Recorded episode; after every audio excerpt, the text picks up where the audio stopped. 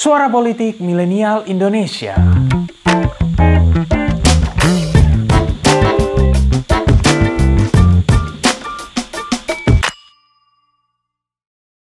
Hai, aku Afutami dari Think Policy. Wanna know how we can change Indonesia for the better? I'll see you at the floor is yours.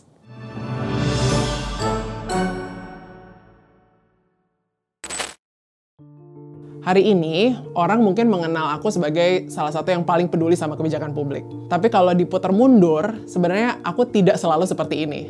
If anything, aku besar di keluarga yang biasa-biasa saja. Kedua orang tuaku tidak punya pemahaman tentang politik, apalagi kebijakan publik yang sangat tinggi.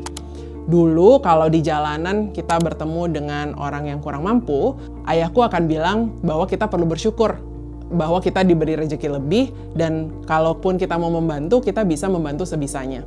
Di kali lain kita lihat bencana di TV.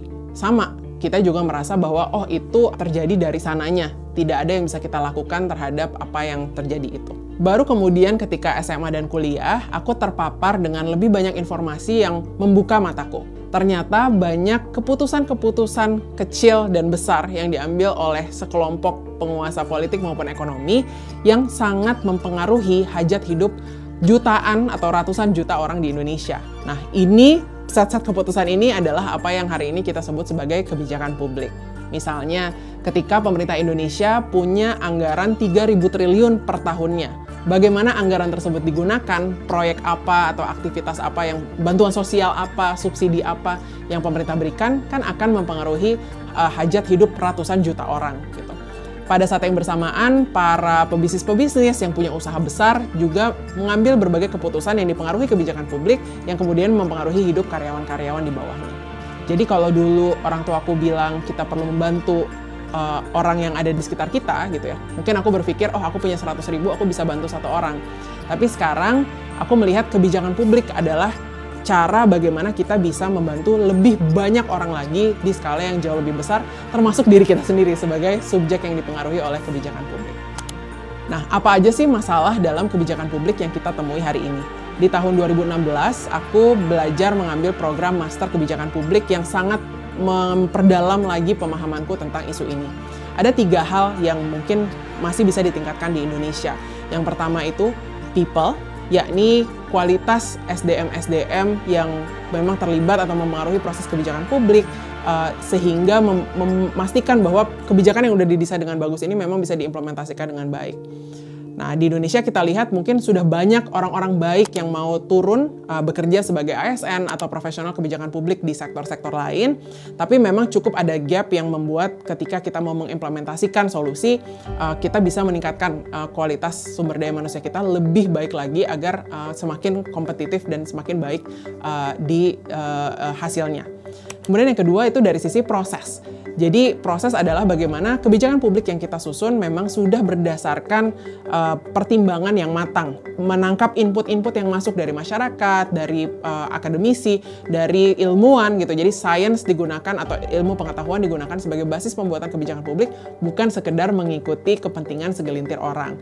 Dan yang ketiga terakhir adalah proposal atau ide kebijakan publiknya sendiri. Gimana ya caranya kita mendapatkan ide-ide terbaik, solusi-solusi brilian yang ada uh, di luar sana untuk diimplementasikan dalam menyelesaikan berbagai masalah kebijakan publik.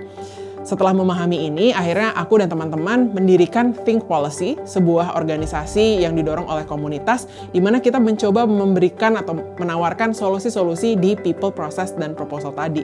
Kami melakukan uh, misalnya kelas-kelas peningkatan kapasitas dan pemahaman tentang proses kebijakan publik, kami mendorong dialog antara pemerintah dan uh, masyarakat, kami memperkenalkan insight-insight atau ide-ide kebijakan publik yang lebih baik lagi melalui rekomendasi kebijakan publik yang disalurkan ke pemerintah maupun uh, ke masyarakat secara lebih luas.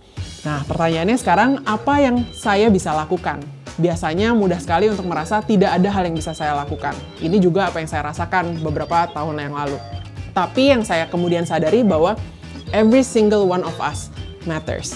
Pada akhirnya, kebijakan publik adalah akumulasi dari berbagai diskursus konversasi, dialog, pemikiran yang datang dari akar rumput sampai ke level yang paling elit. Teman-teman bisa yang pertama memperhitungkan benar-benar apa misalnya karena 2024 uh, sudah di depan mata, bagaimana kita lebih uh, thoughtful lagi dalam memberikan vote kita kepada orang yang tepat dengan solusi kebijakan publik yang tepat juga. Setelah uh, itu kita juga sama-sama bisa uh, terus mengawasi atau berkontribusi lewat pekerjaan kita sehari-hari apa pun itu uh, atau bahkan kalau bukan lewat pekerjaan kita sehari-hari kita juga bisa mempengaruhi lewat uh, meningkatkan awareness gitu ya dengan membagi ke komunitas terdekat di keluarga bahkan atau di kampus di tempat kerja uh, atau bahkan melalui media sosial yang akan juga membentuk uh, diskursus yang lebih besar lagi. Pada akhirnya, apakah kita seorang ibu rumah tangga, mahasiswa, karyawan di perusahaan swasta, peneliti, akademisi, atau memang bekerja di sektor pemerintahan, banyak sekali hal yang bisa kita lakukan dan kontribusikan untuk kebijakan publik yang lebih baik di Indonesia. Apakah itu melalui pekerjaan kita sehari-hari langsung, bagaimana kita mempengaruhi kebijakan publik, apakah itu melalui vote yang kita berikan, apakah itu melalui bagaimana kita speak up di komunitas terkecil, mau sampai ke diskursus besar lewat sosial media atau bahkan menulis uh, secara publik, kita semua bertanggung jawab untuk sama-sama membentuk kebijakan publik di Indonesia. Karena ketika kita tidak peduli, yang kemudian membentuknya adalah orang-orang dengan niat-niat yang mungkin jahat dan tidak sesuai dengan uh, kepentingan masyarakat yang lebih luas lagi.